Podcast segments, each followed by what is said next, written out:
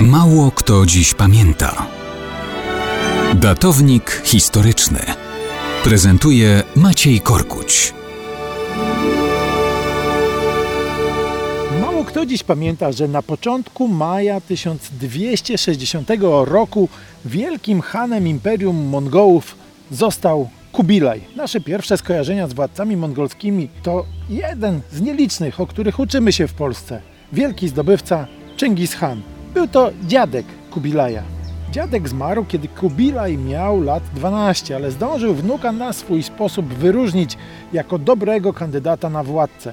Ojciec Kubilaja tylko przez dwa lata zarządzał imperium, po czym tron objął wuj Ugedej. Dorastający Kubilaj zarządzał jedną z prowincji. Sam dobrze był wykształcony. Już wtedy Kubilaj ściągał na swój dwór naukowców i mędrców. Sam zyskiwał sławę mądrego zarządcy i sprawnego dowódcy wojskowego. W czasach rządów kolejnego już Hana Monkego czyli jego rodzonego brata. Po śmierci tegoż brata wyszedł zwycięsko z rywalizacji o tron i wtedy właśnie został wielkim hanem Mongołów. Za Chingis Hana imperium to sięgało od Korei po Morze Kaspijskie, a najazdy mongolskie pustoszyły Europę aż po Dniepr. Ale rozrost imperium trwał nadal. W końcu sięgało ono w Europie księstw ruskich i Morza Czarnego, na Bliskim Wschodzie aż po Zatokę Perską. Natomiast na Dalekim Wschodzie właśnie Kubilaj ogłosił się cesarzem Chin, przeniósł stolicę z Karakorum do Hanbałyku i to dzisiejszy Pekin jest